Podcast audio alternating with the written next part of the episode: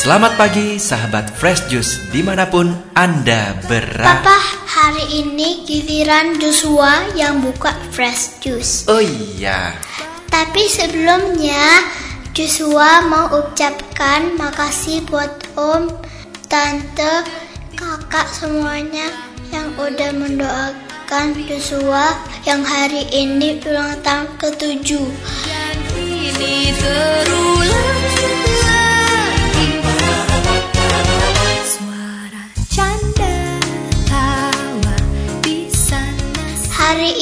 Sabtu 24 November 2018 kita akan dengerin renungan dari Tante Tina Bone.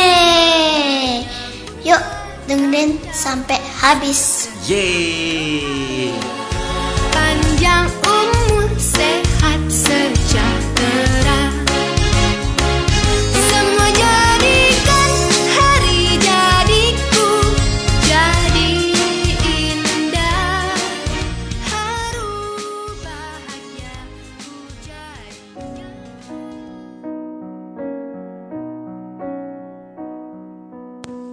Saudara sekalian, para pendengar Daily Fresh Juice yang budiman, inilah Injil suci Tuhan Yesus Kristus menurut Lukas. Maka datanglah kepada Yesus beberapa orang Saduki yang tidak mengakui adanya kebangkitan. Mereka bertanya kepadanya, "Guru, Musa menuliskan perintah ini untuk kita." Jika seorang yang mempunyai saudara laki-laki mati sedang istrinya masih ada, tetapi ia tidak meninggalkan anak, saudaranya harus kawin dengan istrinya itu dan membangkitkan keturunan bagi saudaranya itu. Adalah tujuh orang bersaudara. Yang pertama kawin dengan seorang perempuan lalu mati dengan tidak meninggalkan anak. Lalu perempuan itu dikawini oleh yang kedua, dan oleh yang ketiga, dan demikianlah berturut-turut oleh ketujuh saudara itu. Mereka semuanya mati dengan tidak meninggalkan anak. Akhirnya, perempuan itu pun mati. Bagaimana sekarang dengan perempuan itu? Siapakah di antara orang-orang itu yang menjadi suaminya pada hari kebangkitan, sebab ketujuhnya telah beristrikan dia? Jawab Yesus kepada mereka, "Orang-orang dunia ini kawin dan dikawinkan, tetapi mereka yang dianggap layak untuk mendapat bagian dalam dunia yang lain itu dan dalam kebangkitan dari antara orang mati tidak kawin dan tidak dikawinkan, sebab mereka tidak dapat mati lagi." Mereka sama seperti malaikat-malaikat, dan mereka adalah anak-anak Allah, karena mereka telah dibangkitkan.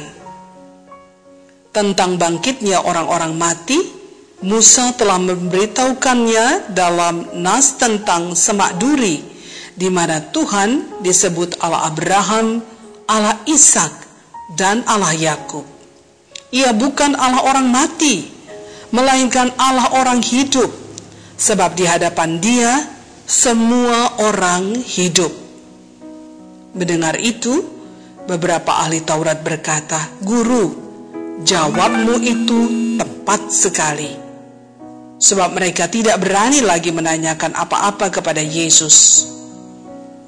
Demikianlah Injil Tuhan. Terpujilah Kristus.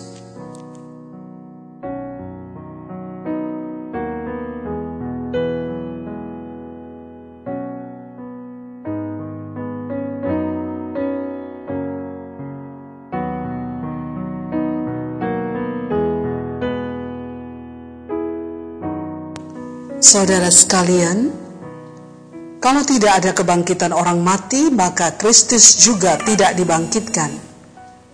Demikian penegasan Paulus tentang kebangkitan badan. Sungguhkah sebagai orang Katolik kita percaya akan adanya kebangkitan badan? Pernahkah kita merenungkannya dan membiarkan diri kita dipimpin oleh Roh Kudus untuk mengerti dan yakin? Adakah kita yakin bahwa tubuh yang telah bersatu dengan pertiwi ini akan dibentuk kembali oleh Allah? Syukur kepada Allah bahwa firman ini menyentil nurani iman untuk mengaca diri akan keyakinan terhadap kebangkitan. Sesungguhnya, iman bahwa suatu saat kelak kita akan dibangkitkan pada akhir zaman sangatlah melekat dengan iman bahwa Kristus telah dibangkitkan oleh Bapa dari antara orang mati. Saudara, ini adalah mutlak. Yesus yang menampakkan diri kepada para perempuan kudus dan murid-muridnya merupakan tanda kebangkitannya. Inilah pewartaan kita sebagai pengikut Kristus bahwa wafat dan kebangkitan Kristus sendiri. Ini adalah dasar gereja yang tak terbantahkan. Sembari tetap berupaya dan bertekun dalam perbuatan-perbuatan kasih, kiranya iman akan kebangkitan menjadikan kita berpengharapan teguh bahwa suatu saat kebangkitan badan kita membawa kehidupan baru yang dipersatukan dalam kekekalan bersama Allah. Mengakhiri renungan ini, saya ingin menyampaikan selamat ulang tahun bagi pewarta cilik Joshua Setiawan yang selalu setia menemani saya. Suatu saat dalam kesempatan ngobrol dengan Josh, dia katakan pada saya, I want to be a businessman, Tante Tina. I want to build big, big buildings and big churches.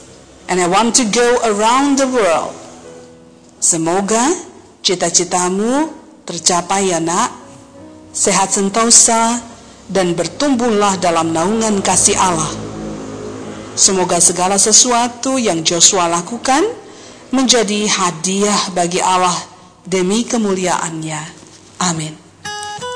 Lord, if we could, we would fill our hands with all the wonderful things you give us. Then we'd lift them up and give them back to you.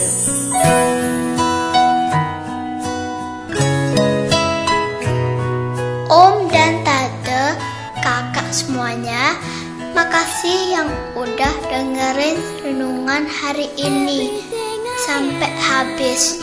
Everything I am, Everything I'll be. Makasih juga untuk Tante Tina Bone buat renungannya.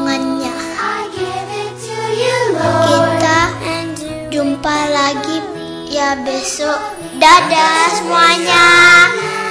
Salam. First Juice.